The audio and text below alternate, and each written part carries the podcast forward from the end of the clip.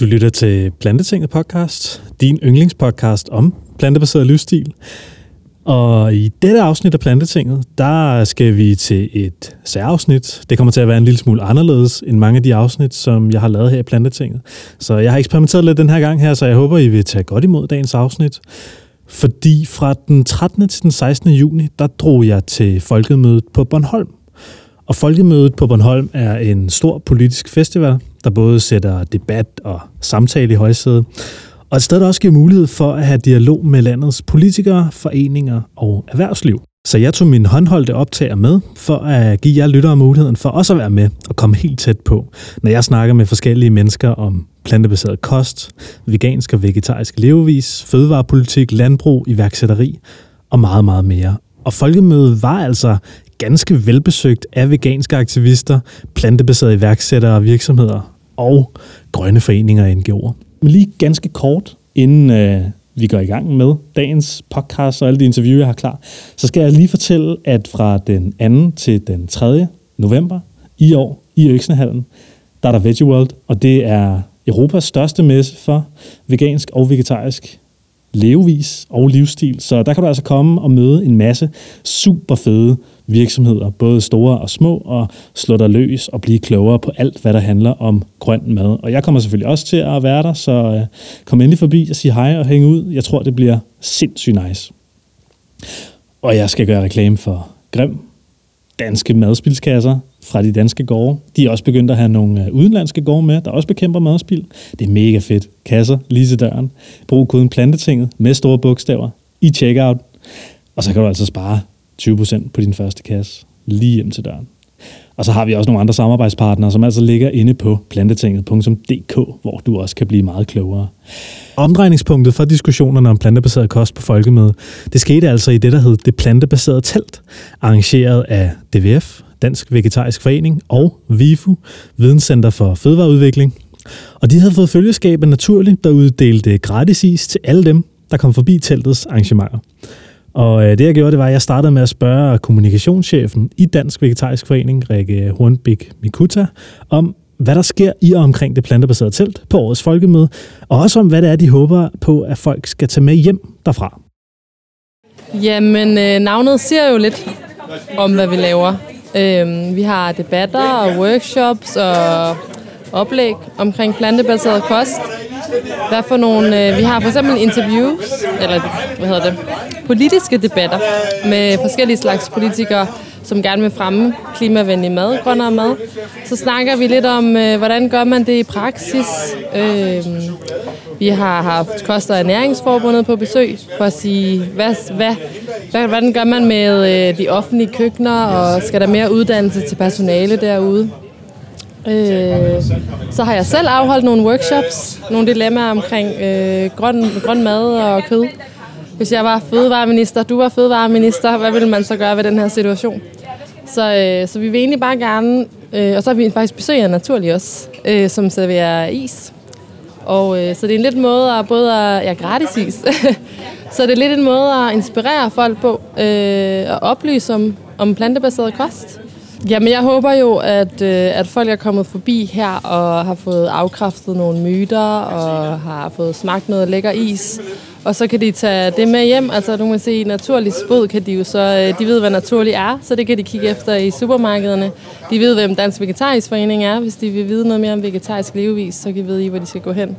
Øh, og så synes jeg egentlig bare, at det der med, at der kommer så mange... Vi har mange politikere fra både fra Dansk Folkeparti og Radikale Venstre og konservative. Så det der med, at der faktisk sidder nogle mennesker og arbejder for det her og har nogle holdninger til det, øh, fra alle mulige forskellige slags vinkler og partier, øh, det, det håber jeg lidt, at det folk kan tage med. Og så min, min, mit håb er jo så, at man tænker vegetarisk og plantebaseret kost lidt mere ind i folkemødet næste år. Øh, går meget op i bæredygtighed på folkemødet, men, øh, men, men selve madbordene mangler måske et, øh, et islet der i forhold til plantebaseret mad. Og det vi skal til at høre nu, er netop et uddrag fra en af debatterne fra teltet. En øh, ganske ophedet, men også sindssygt spændende diskussion om dyrenes rolle i fremtidens landbrug. Og debatten foregik mellem teolog og lektor i bioetik ved Københavns Universitet, Miki Gjerris, landmand og tv-bunderøv Frank Eriksen og formand i Økologisk Landsforening, Per Kølster. hvor i alverden har du den ret fra til at gøre de dyr til dine slaver og efterfølgende slå dem ihjel, når det passer dig, og sætte tænderne i dem, når det ikke er nødvendigt. Og hvis du så kan vise til mig, at vi kan simpelthen ikke brødføde verdens befolkning uden at have et eller andet grad af landbrugsdyr, så kan vi begynde at tale om, at det kan være det mindste onde, og tale om, hvor godt dyrene skal have det undervejs. Men helt generelt mener jeg jo, at problemet er for dig, og i rigtig mange, så er dyr ikke individer. De er et eksemplar, og så kan det gå ud på marken, og når det passer, så skyder vi det, sætter vi et nyt eksemplar ud, der står og har det dejligt, og så synes vi, så er der ingen forskel. Men dyr er ikke eksemplarer, de er individer, de er forskellige, og derfor så tager vi livet af noget, som vi ikke har ret til at tage livet af. Og det mener jeg faktisk kun, man scanner det højst nødvendigt. Og, og det er det i langt de fleste tilfælde ikke, når vi taler produktion af animalske fødevarer. Ja, hvis man er vegetar, så siger man det, du gør, Miki. Det er jeg ikke i tvivl om. Og nu kan vi starte en diskussion på basis af det, du siger. Men jeg vil gerne prøve lige at blive over på min egen banehalvdel først, og så kan vi tage den derfra omkring sådan et ord som nødvendighed, for eksempel. Jeg vil gerne lige følge lidt op på det, Frank siger. Det er jo sådan, at øh, landbrugets udviklingshistorie, det er en øh, meget lang historie, som handler om, hvordan vi både har tæmmet de vilde dyr, og vi har også tæmmet de vilde græsser for eksempel, og det er blevet til kornarterne. Vi har tæmmet sådan noget som kålen, som i sin vilde form minder mere om raps end noget andet, og den er blevet til alt den fuldstændig fantastiske vidunderlighed, som kålen er eksempelvis. Menneskets øh, evne til at transformere naturen til noget, som vi kan leve af, er den afgørende grund til, at vi også er så mange mennesker på jorden, som vi er i dag. Da hele det her startede, da det, den her ballade startede, om man så må sige, det gjorde den for cirka 10.000 år siden ved, at der var nogle smartassede, den tids Einsteiner, der fandt ud af, at man kunne få noget sjovere ud af at lave korn om til alkohol, for eksempel. Det var rent, det var rent fis og ballade og leg og så videre. Det var ikke, der var ikke tale om nødvendighed. Der var tæ, simpelthen tale om, at vi som mennesker er ubehersket nysgerrige og sindssygt kreative. Og vi har en fantastisk evne til at skabe viden ud fra, hvad vi agtager og hvad vi eksperimenterer med. Og ikke mindst noget, som vi i virkeligheden rigtig har fortrængt og glemt, det er vores sanselighed. Altså de sanser, vi har, som kan føres meget vidt uden om det bevidste og det læringsmæssige. Nu står vi så i dag med en menneskehed, som vi slynger omkring os med tal mellem 7 og 10 milliarder, og vi ser det alle sammen for os. De står lige uden for døren og venter på at banke på. Og så kommer vi så til hele den her diskussion om, hvordan pokker skal vi forene øh, den udfordring, vi har med så mange mennesker, og med det klima, som vi alle sammen forventer bryder sammen på et eller andet tidspunkt, øh, hvis ikke vi gør noget alvorligt ved det. Og der er jo en nødvendighed der, som handler om, at vi er nødt til at tænke op. Og før vi bliver radikale, synes jeg, i forhold til at diskutere, om det handler om et ja eller et nej til dyr, så synes jeg, at vi skal forholde os til, hvad det egentlig er for en måde, vi har husdyr på, på den industrielle måde på verdensplan. Og det, du repræsenterer, det er den absolute yderlighed af en skala, som eksisterer i meget stor del af verden som en hverdag for millioner, jeg lige tror det er op i milliarder af mennesker, så det er ikke en undtagelse det her. Men det er det i Danmark, fordi det danske landbrug er et husdyrbrugssystem. Den måde, vi har husdyr på i Danmark, det rangerer på en eller anden skala imellem noget, hvor der er noget, der er meget værre end det, vi gør i Danmark. Og det er ikke for at sige, at det er godt. Men det er bare for at sige, at vi har i dag, vi står i en situation, hvor verdens velstand, den er gået i retning af, at vi spiser mere og mere kød. Og det ved I alle sammen. Det er det, som dansk landbrug forventer at skulle blive leverandør til på verdensmarkedet. Og det er indiskutabelt. Det er hævet over almindelig diskussion. Når vi så står her i dag, så er det ikke den almindelige diskussion. Vi står ikke, tror jeg, nogen af os for at forsvare eller forklare, hvorfor har vi så mange husdyr og skal have det. Jeg er fuldstændig klart af den opfattelse, at vi skal have meget færre husdyr i fremtiden. Og det er der rigtig mange gode grunde til, fordi med alle de dyr, vi har i dag, så presser vi vores klode et sted hen. Ikke bare på grund af klimaet, men af mange andre årsager. For eksempel vores havforurening og øh, den måde, vi øh, presser landskabet på i forhold til, hvor meget jord, der skal bruges. 80% af det, der dyrkes i Danmark, det bruges til foder. Så hvis vi tager det billede og siger, okay, hvad kunne være en fremtid, som ikke handler om diskussionen om etikken i det her, men som handler om det, man kunne kalde biologien i det her, så er der et eller andet sted, hvor man kan erstatte eller substituere de vilde pattedyr, altså drøvtykkerne, med vores køer på en måde, så vi stadigvæk har den balance, som hvis vi tror på Gud eller noget andet skaberværk, som er det, der er skabt oprindeligt. Koen er ikke en klimasønder. Det er en fuldstændig misforståelse. Det er antallet af dem, der gør, at der er et problem. Så det, der er spørgsmålet, det er ikke et svar, vi bare har. Det er, at vi skal prøve at begynde at forestille os, at vi i fremtiden, og der kan vi snakke en radikal fremtid, der kan være meget tæt på. Det kan også være, at den er mere evolutionær, og det tager længere tid, men at så skal vi have øh, et husdyrhold på en helt anden måde. Og der er koen meget vigtigere end de andre husdyr. De andre husdyr har historisk været krydderiet. Kyllinger for eksempel, bare i min barndom, det var en sæsonvare, og det var luksus, det var det dyreste kød. Det samme galt grisen, men det satte man i system meget tidligt med mejeribruget tilbage i slutningen af 1800-tallet. Men det er også i grundlæggende det, man kunne kalde en randstensproduktion. Altså det er noget, det er dyr, som lever af overskud, og det er dyr, der er meget, meget svært at tilpasse en naturlig måde at holde det på, fordi det har en meget mærkelig søgeadfærd. Det kan ikke respektere, ikke hegn osv. Det er rigtig vanskeligt at domesticere på samme måde som koen, eller i modsætning til koen. Så det er min indramning af den her problemstilling. Det er, at koen er en nødvendighed, og det er koen, der gør, at vi ikke behøver den kemi, Altså både i form af kulskydningen og i form af øh, alle de landbrugskemikalier, som forurener vores hav, som forurener vores vandløb, som forurener vores grundvand og som skævvrider hele vores biodiversitet. Så der er en lang historie det her, og når vi skal diskutere dyr, så skal vi diskutere det med den kompleksitet, som vi selv er en del af, og det er verdens natur, og hvordan vi forvalter den, og hvordan vi har plads til, at vi også kan være måske 10 milliarder mennesker. Og det kan vi sagtens. Vi skal bare have meget færre dyr og spise meget mere grønt. Tak.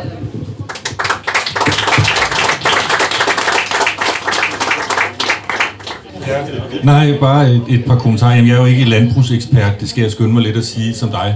Altså, jeg er jo teolog, så derfor forholder jeg mig til det etiske i det. Øh, og der må jeg jo sige, at, at, at for det første, så øh, siger jeg jo ikke det, jeg gør, fordi jeg er vegetar. Det er en total misforståelse. Jeg var ude for det samme, da jeg som formand for øh, arbejdsgruppen i etisk råd der gik ud og foreslog en afgift på rødt oksekød, blev anklaget for, at det mente jeg kun, fordi jeg var vegetar. Det er den anden vej omkring. Det er fordi, jeg mener det her, at jeg så har truffet et valg. Øh, det er jo ikke sådan, at jeg opfinder argumenterne efterfølgende. Og det andet er, altså, jeg synes også, det er lidt mærkeligt at betegne positionen som radikal. Altså det har vi lige oplevet under folketingsvalget hvor forskellige midterpartier havde meget travlt med at kalde alle andre for radikale end dem selv, fordi så får man ligesom sagt, der skal man nok ikke hen, men det radikale i det her tilfælde er jo bare fordi, det ligger langt fra dit eget synspunkt. Så fra min synsvinkel er det måske dig, der er den radikale. Når det er sagt, så vil jeg gerne forholde mig til det her med, at du siger, at koen ikke er en, er en klimasøn og ikke er noget problem. Altså det er jo sådan rimelig solidt videnskabeligt bevist, at kør er den animalske fødevarer, der udleder mest drivhusgas og drivhusgasekvivalenter per kilo øh, end produkt så kan der være nogle måder at holde kør på, som kan give nogle andre fordele. Det kan være biodiversitet ved at, øh, græsning. Og så er der nogen, der snakker om, at nogle helt bestemte måder at græsse dem på, øh, kan muligvis sænke klimaaftrykket øh, betragteligt. Det skal jeg ikke gøre mig klog på. Jeg skal bare sige, hvis man skal det køre kødproduktion på den måde, så får vi langt, langt mindre. Hvis men det er vel også formålet? Ja, men så hvis vi så vender tilbage til det med dyrene selv, og ikke bare de indirekte effekter, så har vi stadigvæk nogle dyr, som I mener, det er ok, at vi bruger, slår ihjel og spiser, fordi det har vi nogle gange lyst til. Og der vil jeg bare sige, med mindre det er strengt nødvendigt, så mener jeg altså, det er den forkerte vej at gå, så mener jeg i stedet for, at vi skal prøve at finde ud af, hvordan kan vi have et landbrug, uden at vi bruger dyr til at producere vores fødevarer. Altså jeg vil jo sige, jeg er jo fuldstændig på den vogn også, at i den her transformation i forhold til det landbrug, vi har nu, øh, og til hvordan det skal se ud i fremtiden, der skal dyret igen ses mere som et redskab, altså i forhold til, hvad det rent faktisk kan bidrage med ude på gården, end det skal ses som en produktionsenhed. Men, det, men jeg har bare meget, meget svært ved at se mig ud af, hvad vi, hvordan vi skal kunne gøre det, uden øh, på et eller andet tidspunkt også at slagte de her dyr her. Og jeg tænker, altså ud fra, fra, fra dit ståsted, altså jeg kunne godt tænke mig at vide, hvad, hvis man nu legede med tanken om, at, at de her landbrugsdyr rent faktisk har øh, en, en seriøs rolle at spille. Hvis nu den der lille gruppe af forskere, som peger på de her lidt specielle græsningssystemer, som værende i stand til både at lære mere kulstof, øh, end konen den bruger, og rent faktisk også være i stand til at, at, at nedbryde noget af det her metan, som konen den er så beskyldt for. Hvis det nu viser sig, at, at det kunne noget, hvad gør man? Hvad vil du så gøre? Altså, hvad vil, vil det ændre? Kunne det ændre på, på dit ståsted sådan ud fra et, et klimaperspektiv, eller, eller er det noget andet, der driver dine tanker omkring ikke at spise kød? Ja, ud fra et klimaperspektiv vil det selvfølgelig ændre det, men, men nu mener jeg jo ikke kun det, der er vigtigt. Der er også nogle dyr, der er vigtige i sig selv, og så bliver jeg stillet i den meget ubehagelige situation, at jeg ikke har noget godt valg, så har jeg et valg mellem under, hvor jeg skal prøve at finde ud af, hvad er det mindste onde i den her situation. Og det afhænger jo af en lang række, for eksempel om, om jeg vil sige, den smule forskning, der peger i den retning, du snakker om med de her græsne køer, der kan faktisk sænke øh, klimaproblemerne i forhold til den meget store mængde af forskning. Blandt andet Oxford Universitet lavede en stor rapport i 2017, øh, hvor de gik ind og undersøgte nogle af aspekterne af det der, og sagde helt generelt må vi bare sige, at græsne kødkvæg er en dårlig idé. Men, men lad os antage, at du har ret. Ja, så, er, så skal jeg til at vælge mellem under, øh, og det er aldrig rart som menneske. Øh, der kan man have to tilgange til det. Man kan enten have sådan det, man kalder nytteetisk tilgang, hvor målet er at maksimere velfærden i verden. Og hvis man så gør det, hvad enten vi nu vælger A eller B, så kan jeg læne mig tilbage og sige, det er fint, jeg har maksimeret velfærden, alt er godt. Eller også kan man have en mere dydsetisk tilgang, hvor man siger, jeg har valgt det mindste onde. Det var det rigtige at gøre, men det gjorde det ikke godt, så derfor står jeg tilbage med et problem, enten i forhold til klimaet eller i forhold til dyr, jeg har valgt at ofre på grund af nogle problemer, vi har skabt. Og så skal jeg til at finde ud af, hvordan jeg kan gøre op for det på en eller anden måde. Efter den her debat, der blev jeg sulten, så jeg gik en tur gennem festivalpladsen for at finde noget at spise. Og her fandt jeg faktisk en food truck, der solgte plantebaseret frikadelle sandwich. Og netop i køen, der mødte jeg faktisk Miki Geis, der lige havde været til den her debat her. Og jeg spurgte Miki om, hvad han synes om diskussionen, og om han mente, øh, at det nåede til enighed i den her debat her. Jamen, det var godt. Det var jo øh, en, en af de gange, hvor man er sammen med mennesker, som man deler en hel del holdninger med, og så er der noget, vi er uenige om, og det er jo altid interessant, i stedet for ligesom at stå med nogen, man er lodret uenige med. Så jeg synes, det blev en god og nuanceret debat om, om man skal holde dyr, og hvis man skal holde dyr, i hvilket omfang man skal gøre det, under hvad for nogle forhold. Jeg fik jo ikke ret, altså det gør man jo sjældent, vel? Øh, og jeg tror især der, hvor det skiller, det er opfattelsen af dyr, øh, som, som er det eksemplarer, som vi kan anvende til forskellige ting, og så udskifte med et andet som vi så i øvrigt, som de to begge to jo mener, skal behandle øh, på i hvert fald nogenlunde anstændig vis, eller er dyre individer, som helt grundlæggende ikke er noget, vi kan gøre til redskaber for vores øh, ikke-essentielle behov. Øh, og, og den uenighed blev jo ikke løst. Øh, men der er dog trods alt tættere på, man kan sige, på mig og Frank Jensen, altså bunderøven, end der er på Økologisk Landsforening, som jo i et eller andet omfang også accepterer en stor produktion af, af dyr for, at det skal være økonomisk rentabelt. I køen til den her food truck her, der mødte jeg også den nyvalgte folketingspolitiker for SF og veganer, Karl Valentin, der også var blevet en lille smule sulten, og jeg spurgte også ham om, hvad han uh, skulle lave her på folkemødet. Så, ja, det kører sindssygt godt. Jeg har allerede haft to debatter i dag, så der er fuld smadret på. Først øh, diskuterede global ulighed, Øhm, og øh, ja, det var jo sindssygt spændende. Nogle, øh, det er en stor dagsorden, der var meget at tale om. Og så bagefter så havde vi et arrangement i SF Telt, hvor vi havde inviteret øh, sådan forskellige grønne bevægelser ind og snakke om klimakrisen, og hvad vi gør herfra, fordi nu er vi jo sådan i de grønne bevægelser lykkedes med at, i et høj grad at få et klimavalg og få politikerne til at love nogle ting. Jeg er jo så en af dem selv nu. Øh, og, øh, og nu skal vi ligesom se, hvordan, hvordan sørger vi for, at den bevægelse bliver ved, ikke? Og, og der faktisk øh, kommer handling også. Og øh, du skal til at have dig en vegansk burger? Ja, det skal jeg. Jeg har faktisk ikke helt fundet ud af så meget nu, hvor der er vegansk mad det her sted, så, så det er anden gang, jeg er her. jeg havde faktisk tænkt mig at gå op til, til DVF også, fordi jeg er sikker på, at de ved, hvor der er lækker mad. Og jeg nåede endelig helt frem i køen, øh, op og skulle have min øh, sandwich, og jeg hørte øh, Katrine Fjelding Larsen, kvinden bag opskriften til burgerne i foodtrucken, om hvad det er, de egentlig serverede, og hvordan det er gået med deres virksomhed på folkemødet. Vi laver frikadellemand sandwich. Det er en sandwich med fuldkornsbolle og en vegansk bacon mayo og en, øh, en bøf af kartoffel, champignon, spinat og estragon. Og så er der spidskål, rødkål og syltede agurker i. Det går så godt. Vi har så travlt lige nu. Det er så fedt. Så jeg modtog min øh, frikadellemand sandwich, som altså, som navnet antyder, er sådan lidt et spin-off på vores tidligere miljø- og fødevareminister, Jakob Ellemann Jensen, der er jo som bekendt udtalte til formanden i Veganerpartiet, at han elskede bacon. Og netop formanden i Veganerpartiet, Henrik Windfeldt, han stod faktisk lige der, hvor man fik sin burger og samlede vælgererklæringer til deres parti. Så jeg fik mig også lige en hurtig snak med ham. Der er en lang kø her og en masse mennesker, som for første gang smager et vegansk måltid, så det er jo også øh, i sig selv en succes, at folk kan prøve det. Og du har lige taget en god bid her. Hvad synes du, min ven? Det er helt fantastisk. Jeg stod, ja, det er virkelig, det er virkelig godt. Ja. Jeg stod lige og snakkede med uh, Katrine Kokken derinde. Ja. Hun er stolt af den. Ja. Jeg tror også, planteslagterne er stolt af den her. Og det kan de også være. Det er jo Katrine Fjelding og så Anders Nørgaard, som er ude i det her uh, food truck-koncept. Og det er så fedt til at lave aktivisme. Og den her frikadellemandbøger er så sjov. Og jeg ved, Jakob han har også brugt den her lille kontrovers til at lave noget sjov i hans valgkamp. Og vi gør det også, og vi liker hinandens billeder på Instagram og sådan noget der. Så, så det er super fedt, vi har fået det her lille PR-ting der kan hjælpe os. Vi samler vælgererklæringer ude her på pladsen, og her har vi en iPad, hvor vi står og samler dem, og folk er så søde her på folkemødet. Hitraten er rigtig god. Der er sådan en rigtig demokratisk sans her at alle vil gerne have, at alle skal have en chance. Så det er så fedt. Og nu har vi et øh, nyt øh, medlem af Europaparlamentet stående her, og der kommer så mange spændende mennesker. Vi har Karl Valentin stående her på den anden side, og folkemødet det er en fantastisk fest, det er det virkelig.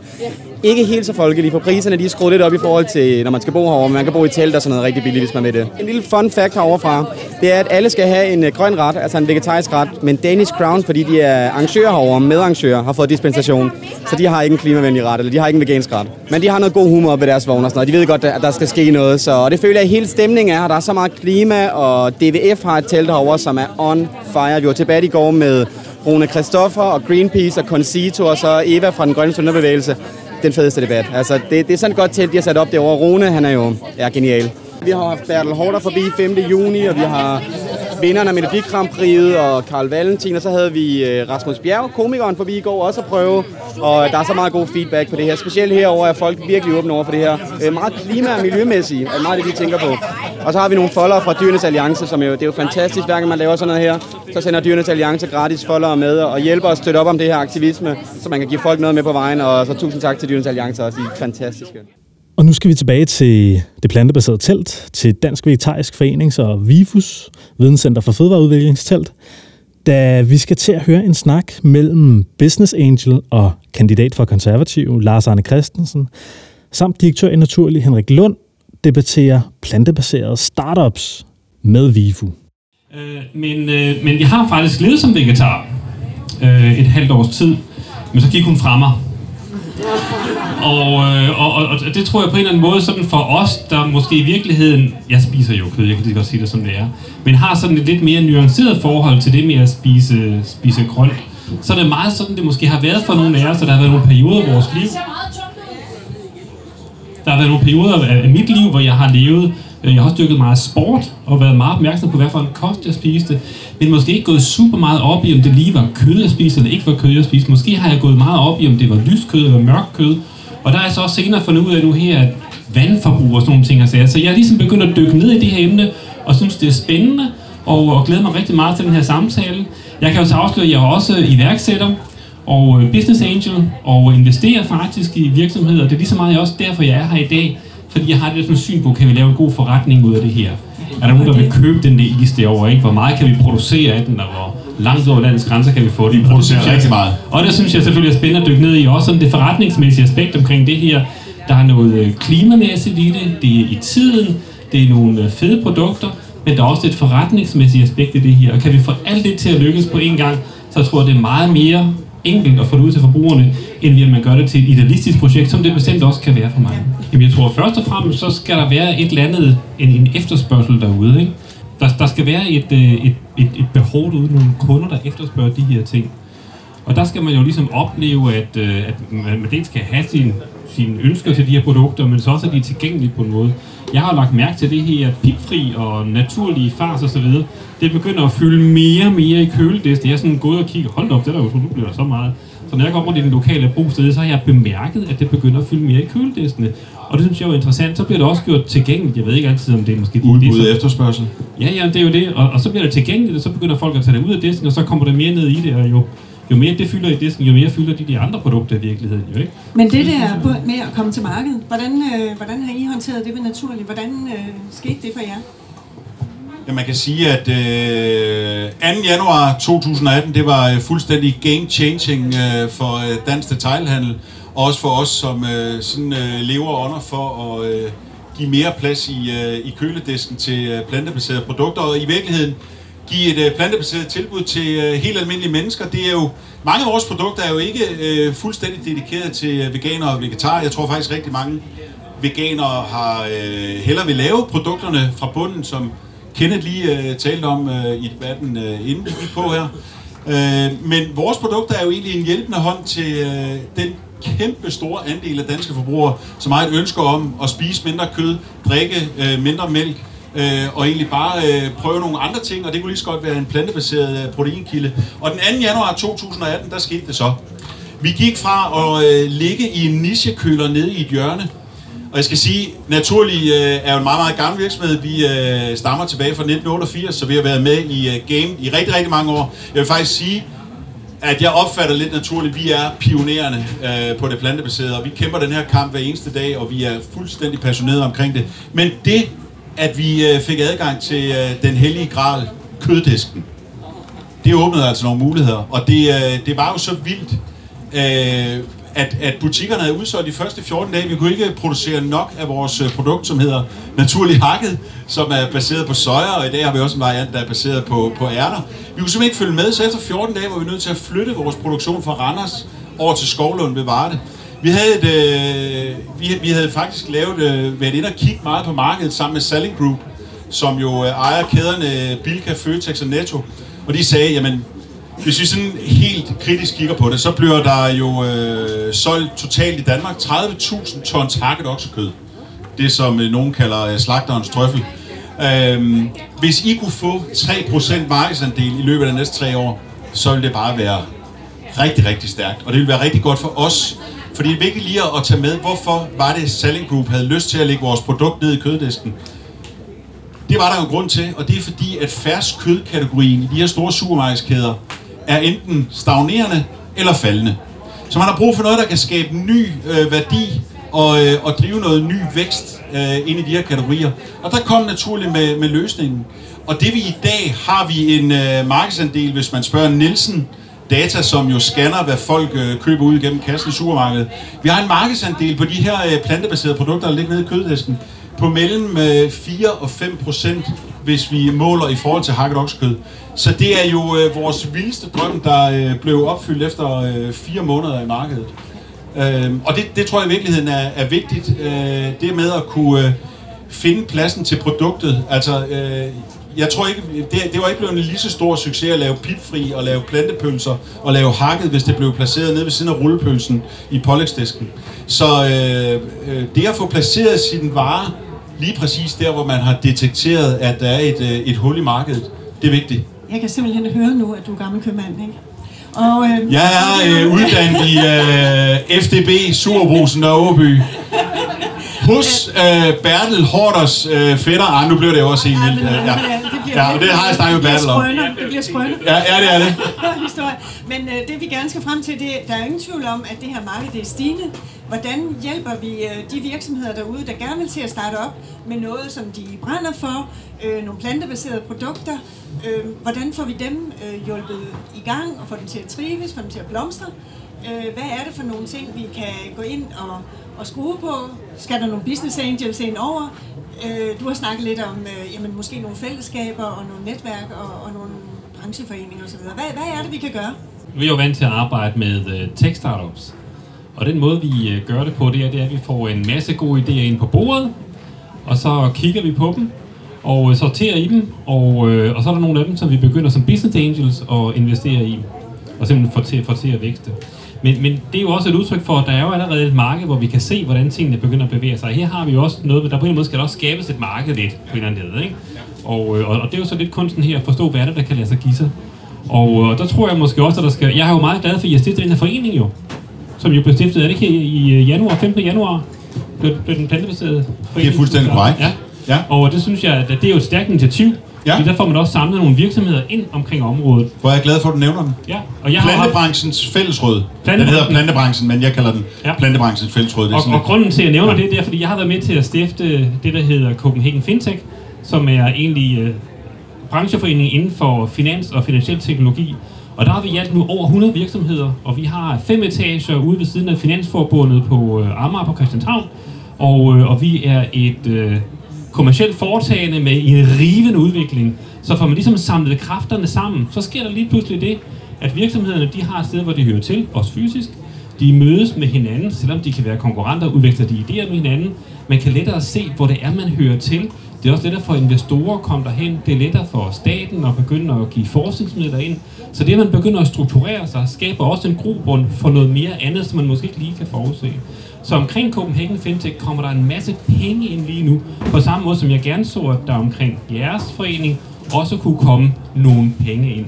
Men de individuelle startups kan selvfølgelig jo begynde at udvikle deres forretningsidéer, de skal professionaliseres, og lære, hvordan man fra at være idealist, øh, vegansk orienteret eller vegetarisk orienteret, også kan begynde at lave de rigtige forretningsplaner og komme med de rigtige idéer, som kan motivere sådan nogen som mig til at proppe nogle penge i en øh, startup og se, den også kan realisere Og hvad er det så, du kigger på? Hvad er det, du kigger på, når du skal ud og øh, lægge dine penge, dine egne penge øh, i nogle øh, virksomheder? Hvad er det, der er specielt ved det plantebaserede? Hvor er det, øh, du kigger, når du skal se på deres forretningsplan, og hvad tror du på, og hvad tror du ikke på? Ja, først og fremmest så vil jeg gerne være sikker på, at det er noget, der på en eller anden måde appellerer.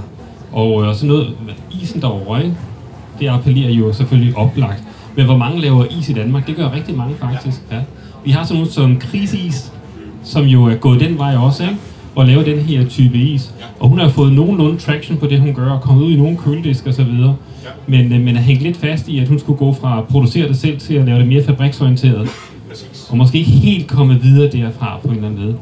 Og, og, og du rammer jo fuldstændig noget spot on der, det er jo, at når man, vil, øh, når man får den der gode øh, idé, innovationen, finder hullet i markedet, specielt inden for det plantebaserede, så kan det nogle gange være svært at tage det fra, fra det helt scratch, hvor du står og producerer noget hjemme i dit øh, bryggers, til at skal skulle og, og skal skalere det op øh, til at blive øh, noget stort. Fordi der er det jo altså, at du skal ud og have fat noget procesudstyr, som er rigtig, rigtig dyrt.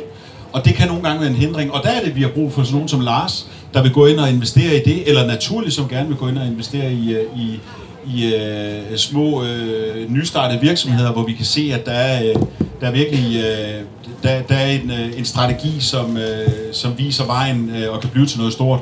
I forhold til plantebranchen, øh, så synes jeg, det er et rigtig godt eksempel på, at øh, det, det skal jo, plantebranchen er jo en brancheforening for øh, fødevareproducenter øh, inden for plantebaserede produkter. Men øh, vi har jo lavet det på den måde, at det er, det er de øh, tunge spillere, sådan som Lille Naturlig, der betaler øh, det store kontingent. Hvis man er en nystartet virksomhed, så betaler man et kontingent på 500 kroner. Og så får man altså adgang til øh, at kunne øh, spare med, øh, med mig, eller øh, med nogen fra Nestlé, eller nogen fra øh, Orkla øh, Foods, øh, nogen fra Simple Feast. Øh, så, så det er jo sådan en adgang til at, at blive en del af et netværk, øh, hvor, hvor man kan få noget hjælp, og øh, måske også få de der investeringer, som man har brug for, for at komme i gang. Men jeg vil jo sige omkring det der med at være en nystartet virksomhed, altså det kræver jo sindssygt, det kræver selvfølgelig en sindssygt god idé, og så kræver det jo altså bare en passion og en dedikation, som er fuldstændigt, altså du har jo ikke tid til at sove, mens du skaber det her øh, nye forretningsimperium. Og når det specielt inden for det plantebaserede, så kan vi jo se, at der er rigtig mange af de store satte virksomheder, øh, ikke lige Danish Crown, for jeg, jeg har lagt mærke til, at de er jo så den eneste spiller her på, øh, på festivalen, som ikke udbyder øh, det ellers øh, lovpligtige øh, vegetariske måltid, men det har de så fået lov til at lade være med, fordi de jo nok er sponsor af folkemødet.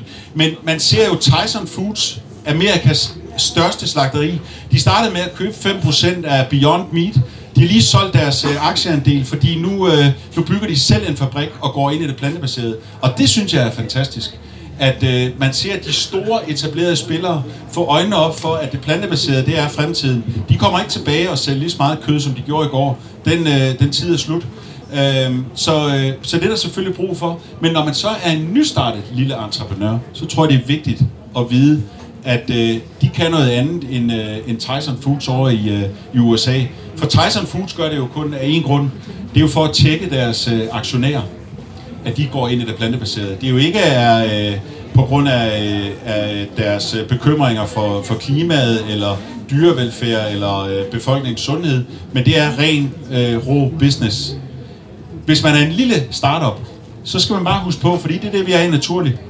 Vi siger jo, øh, vi har vores mantra, det er, fremtiden er for den, der er den, ikke for den, der søger den. Og det er bare vigtigt. Man skal bære det der grønne hjerte med, og så tror jeg, at man, man, kan, man kan skabe noget god forretning. Og så skal man selvfølgelig have en benhård forretningsstrategi, så man ved, hvordan man kommer i markedet. Skal jeg øh, gå mod detailhandlen? Skal jeg sælge business to consumer på øh, min egen hjemmeside? Eller er mit produkt noget, som er øh, tilegnet øh, øh, Noma eller øh, Hotel- og Restaurationsskolens øh, øh, Kenneth inde i København? Og netop sådan en plantebaseret startup mødte jeg faktisk lige da debatten var færdig, for her stødte jeg ind i Christian Christensen, direktør i plantedrik startup virksomheden House of Mølk. Og jeg spurgte ham om, hvad, hvad mølk egentlig er, samt hvilke planer de havde på folkemødet. Jamen, hvad er mølk for noget? Altså, det startede jo egentlig som en, sådan en tanke øh, for en to-tre år siden, øh, hvor jeg sad som chef i innovationsafdelingen i Coop. Og der, på, det, på det tidspunkt, der begyndte vi at kigge på det, alle de her plantebaserede produkter, og øh, jamen, hvordan, hvordan skulle det her marked se ud, og hvordan kunne, kunne vi øh, sådan være med til at facilitere det øh, over for forbrugeren. Øh, det kunne man så ikke rigtig blive... Altså i sådan en stor organisation er det bare svært at udvikle innovative produkter, fordi man skal passe ind i nogle bestemte øh, brands og sådan noget. Og jeg synes ikke, at Englemark og Smag Forskellen, og hvad alle Coops brands eller hedder, øh, de, de skal have deres egne produkter. Men der skal også være noget, som, som kan noget andet, øh, og som taler til folk på en anden måde, end, øh, end, end de der øh, mainstream-produkter gør. Og ud af det kom der så en idé om at lave et øh, brand for plantebaseret drikkevarer, som kom til at hedde Mølk. Og jeg ved, at øh, den her drikkevarer, plantebaseret drikkevarer-sektor, den øh, eksploderer jo lige for tiden. Vi ser jo flere forskellige virksomheder poppe op med nye mælkesubstitutter, kalder jeg det, fordi det må man jo ikke kalde det. Hvad, øh, var, var det noget, I var ude og, og slås med en mejeriforening om på noget tidspunkt, eller hvordan har det været? Nej, men det har, vi, det har vi haft en løbende dialog med, med, med mejeriforeninger, og det har vi stadigvæk, og vi har, en, vi har et godt forhold til den. Uh, øh, vi, vi, vi har jo ingen interesse i at være mælk. Det er vi ikke. Det er, er plantebaseret øh, drikkevarer er plantebaseret drikkevarer. Det er et alternativ til, om så kan man kalde det mælk, eller, eller det, er en, det er en ny drikkevare, som kommer på hylden, og den kan noget andet end mælk. Øh, og det, det ja, den, den øh, position, som Mæreriforeningen har taget i det her, tror jeg har ændret sig lidt. Fordi det har været sådan, nej, vi vil ikke have det, vi vil, vi, vi, vi vil, vi vil blive ved med at at det, skal, det må kun hedde mælk. Og nu begynder Arla at lave deres eget, sådan nogle, nogle halvfabrikater, som jeg har kaldt dem. Nogen har kaldt dem noget andet, det vil jeg undlade at gøre i det her forum. Men, men de, altså, det begynder at se et behov for det her skift. Og, og det her, det er jo ikke, det er jo ikke noget, vi kan vælge. Altså, vi kan ikke blive ved med at drikke så meget mælk, som vi gør. Vi kan ikke blive ved med at spise så meget kød, som vi gør. Så vi skal lave det om på en eller anden måde. Og det kan vi kun gøre igennem de her produkter. Øh, ikke kun vores produkt, øh, eller naturligt produkt, eller øh, spir, eller hvad de nu hedder alle sammen. Men der skal være en, en base af produkter, som gør, at forbrugeren har noget at vælge Men Der er ingen af os, øh, det tror jeg i hvert fald ikke, øh, se fra vores synspunkt, er der ingen af os, der kan undvære den anden. Øh, fordi jo, jo mere bredde vi skaber det her marked, jo mere interessant bliver det for den menige forbruger. Og det er egentlig den forbruger, der er vores interesse. Det er, det er helt almindelige danskere, som bare gerne vil leve øh, på en lidt anden måde, end de plejer at gøre. Hvornår ser vi øh, mælk på de danske supermarkedshylder?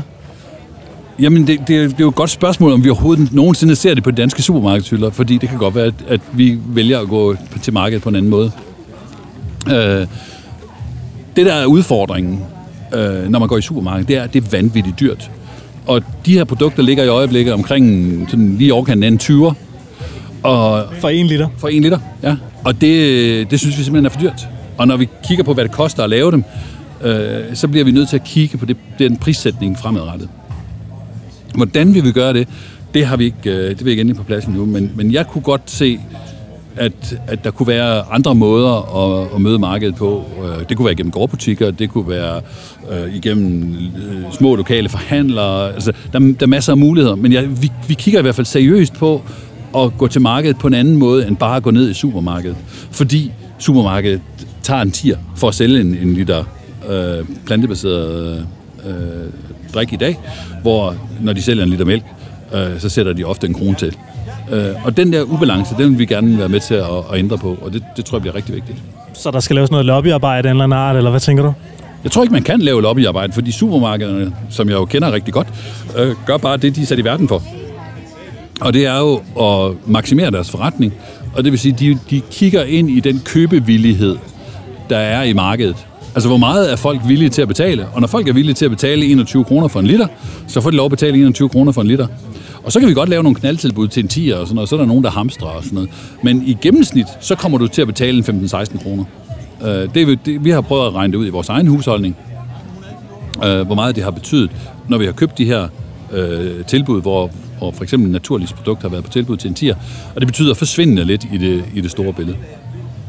Når jeg snakker med, med, med vores øh, producent, det er en af verdens største producenter, de laver 25, 55.000 tons øh, havredrik om året. Så det er, de ved godt, hvordan øh, det her marked øh, ser ud. Og de siger, at det her marked kommer til at fortsætte med at vokse i hvert fald i 25 år. Øh, der, bliver, der kommer ikke et tilsvarende antal producenter, øh, fordi det bliver adgang til produktionskapacitet og produktionskapacitet, der bliver afgørende for det. Og der, man kan sige, der er sådan en cost of entry øh, ind i at producere plantebaserede drikkevarer, som ligger i størrelsesordenen 25-50 millioner.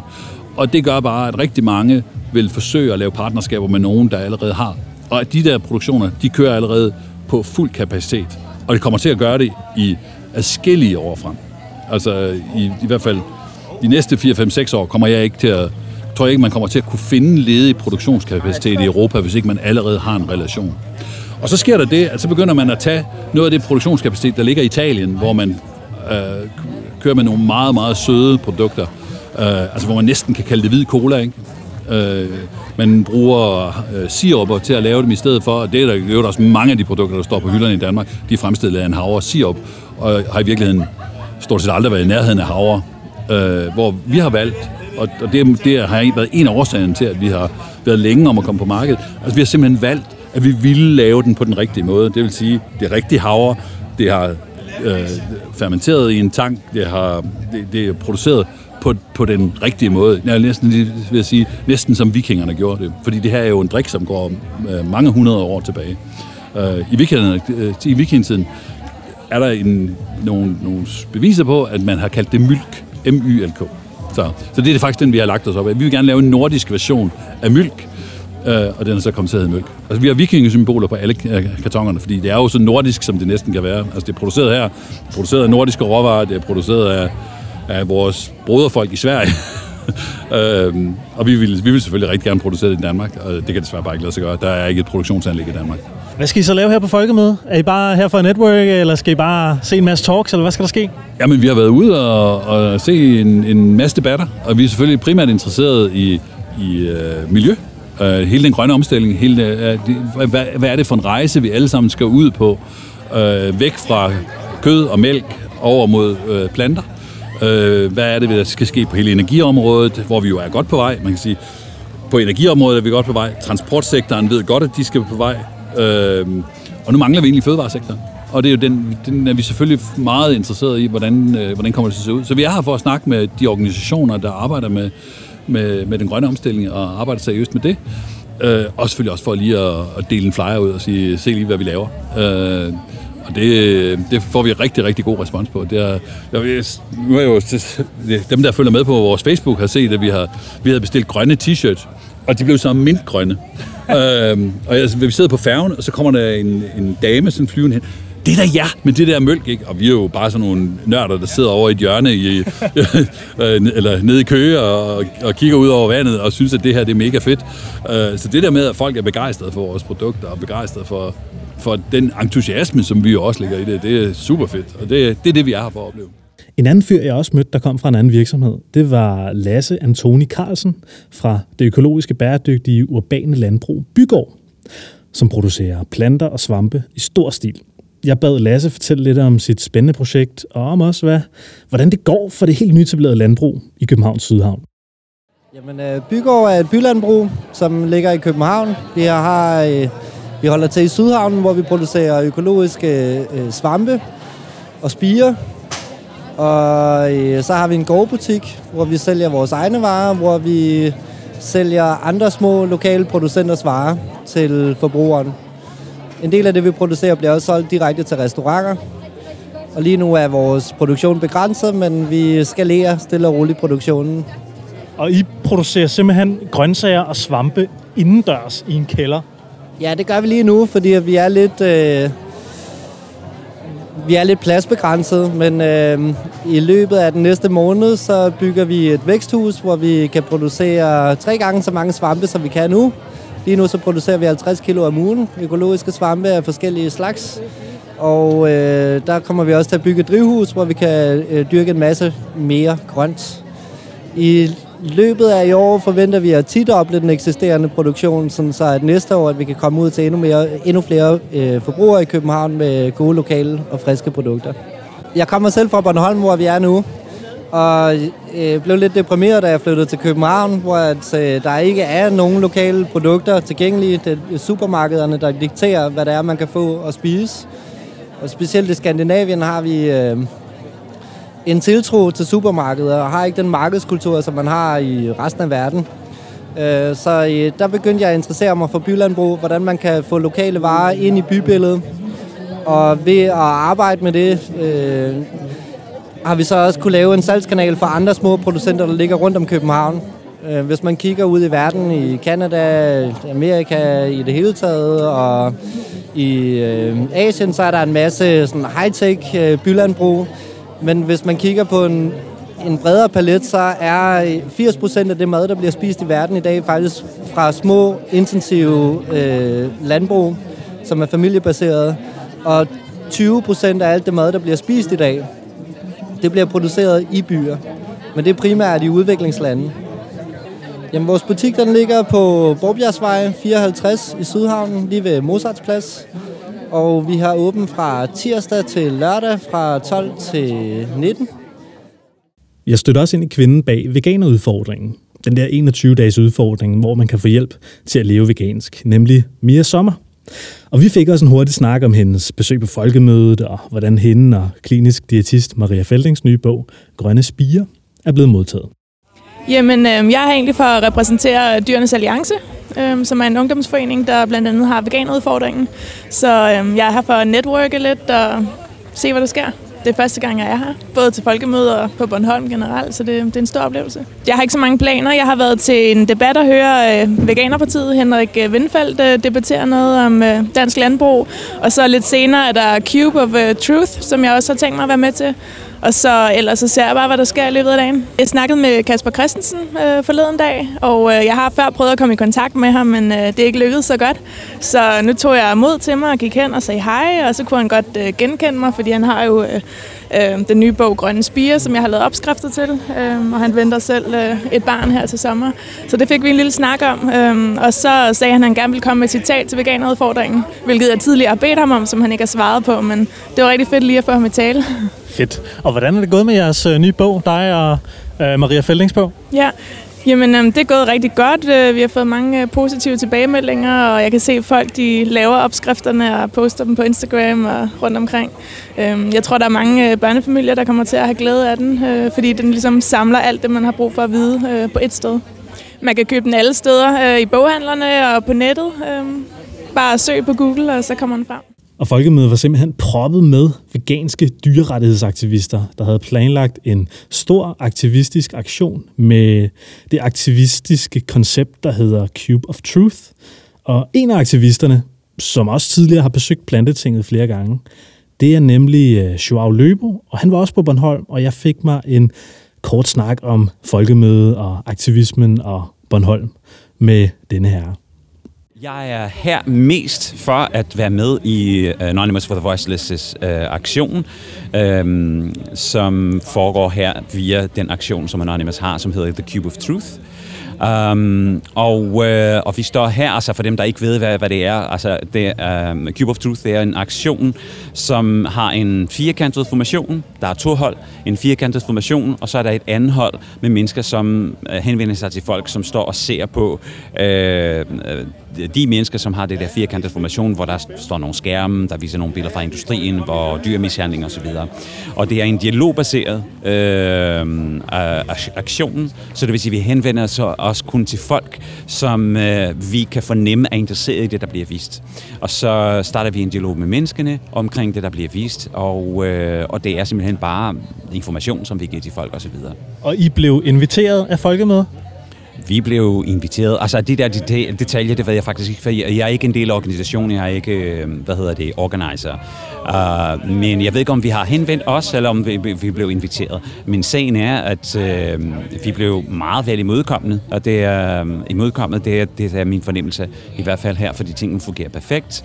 Uh, og, uh, og vi har fået nogle rigtig, rigtig gode respons i går. Hvad skete der? Vi var to timer i gang med at lave vores cube øh, på et af de øh, midteste sektioner øh, øh, folkemødet her, og det var proppet med mennesker. Og vi fik øh, rigtig mange øh, gode øh, hvad hedder det, dialoger med de forskellige mennesker, der kom. Der var stort, stor interesse øh, for det, der blev vist på skærmene, og vi fik også nogle rigtig, rigtig gode samtaler med folk. Og, og øh, altså, jeg fik, øh, jeg var meget høj øh, med energi i går, simpelthen fordi øh, øh, vi talte næsten uafbrudt med folk i to timer. Så, fordi der var så mange mennesker, øh, og som kom med sådan rigtig mange væsentlige spørgsmål med ægte interesse, og på trods, at de ikke var veganer eller vegetar. Øh, så det var meget givende, det var meget givende, og det er jo det, som er meget karakteristisk i den her aktion, som Anonymous for the Voiceless øh, laver, og det her, øh, øh hvad hedder de, øh, form for aktivisme fordi det er dialogbaseret, så vi står ikke der og råber folk og har nogle slagsord eller sådan noget i den retning. Nej, vi tager folk som udgangspunkt til at starte og udvikle en dialog og en samtale sammen med dem. Og det reagerer folk, ikke kun her i Danmark, men også rundt omkring i verden, fordi organisationen har spredt sig siden øh, 2016, øh, da den startede i Melbourne. Og, og det er det her element, som er dialogbaseret, som gør, at folk reagerer meget positivt på det. Og det er super godt, fordi øh, vi hjælper øh, den her syn, som mange ikke-veganer har, at veganer er besværlige og stødende og, og, og altså, vi, vi, vi hjælper med at komme af med det her billede, som, som øh, mange mennesker har, øh, og det er bare en, en fordom, som har sat sig, og som kommer fra hvad synes du om øh, Bornholm? Har du været på Bornholm før? Jeg har været på Bornholm her øh, en enkelt gang for cirka 10 år siden, og det var også en ganske kort visit. Øh, og det er det også i dag, så jeg har stadigvæk til gode, i dag, det vil sige i den her weekend, jeg har stadigvæk til gode en uge eller to uger ferie på Bornholm, men jeg er vildt betaget af naturen her. Det er simpelthen så dejligt. Jeg har taget en rigtig lang godtur i går, og, øh, og det var bare i øjenfaldene, at det er et meget specielt sted. Altså, vi oplevede, mig og min kammerat, vi oplevede, at naturen skiftede karakter og form efter 100 meter hver gang. Ikke? Og det var simpelthen fantastisk at opleve. Det er næsten en... Øh, fairytale ø et eller andet sted. Ikke? Det er sådan virkelig dejligt. Og Folkemødet er et fantastisk arrangement. Det er simpelthen bare øh, unikt, unikt. Øh, det er så fint at komme til en hel weekend, hvor uh, en stor mængder øh, af folk og danskere står og snakker om politik. Uh, og debatterer med hinanden og så videre. Det er så fantastisk. Det er vir- virkelig demokrati på sit bedste. Ikke? Det er virkelig, virkelig godt. Vi er ved at være nået til vejs ende i dagens podcast, hvor jeg har fået præsenteret en hel del interviews og debatter som altså fandt sted på Folkemødet på Bornholm den 13. til den 16. juni 2019. Og for også at understrege, hvor festlig en begivenhed Folkemødet var, så vil jeg slutte podcasten af med en liveoptræden af den veganske spillemand og dyrerettighedsaktivist Asger B., der spontant spillede en sang og koncert, en meget lille koncert om plantepølser i det plantebaserede telt. Og øh, ja, jeg håber, du kunne lide den her podcast her. Det var et lidt andet format, end hvad jeg plejer. Øh, har du spørgsmål, kommentarer, ris eller ros, synes du det er mega fedt, så er du naturligvis altid velkommen til lige at skrive til mig på Plantetingets Facebook, på Instagram, og de to steder er du selvfølgelig også altid velkommen til at, at følge med. Du kan også bare skrive en mail til mig på info og give endelig en anmeldelse på iTunes og støt mig endelig på plantetinget.tier.dk, hvis du gerne vil have endnu mere planteting. Vi lyttes ved. Hej hej. Det er klar derude. Er flere, der vil med ind i teltet, eller hvad? Dans med os. Okay, så går vi i gang. Er I klar? Ja! Whoop, whoop, whoop. Plantepølser, men må ikke kalde det for pølser, nej, nej. Plantepølser, det er forbudt, når man kalder det for pølser. Whoop, whoop. Plantepølser, men må ikke kalde det for pølser, nej, nej. Plantepølser, det er forbudt, når man kalder det for pølser. Hvad er det dog for noget? Vi må hellere tilkalde hele EU's landbrugsråd. Aflyst alle jeres møder. For nu skal vi snakke om pølser. Ja, ja. Tænk på forbrugeren. Du, du, du. Hvad de putter ned i indkøbskurven. Du, du, du, du. Hvis man kalder det for plantepølser. Du, du, du, du. Så forstår folk jo ikke, hvad de køber. Nej, nej, plantepølser, men må ikke kalde det for pølser. Nej, nej, plantepølser, det er forbudt, når man kalder det for pølser. Woo, woo, plantepølser, man må ikke kalde det for pølser. Nej, nej, plantepølser, det er forbudt, når man kalder det for pølser. Men hvad så med påskeæg? Frugtkød eller tunsalat? Bøf, tomater, peber, og ring nu hvis der veganer Der skal ud og lave pølser af. Plantede pølser Man må ikke kalde det for pølser, nej, nej. Plantede pølser, det er forbudt, når man kalder det for pølser. Uh, uh. Plantede pølser, man må ikke kalde det for pølser, nej, nej. Plantede pølser, det er forbudt, når man kalder det for pølser. Det er forbudt, når man kalder det for pølser.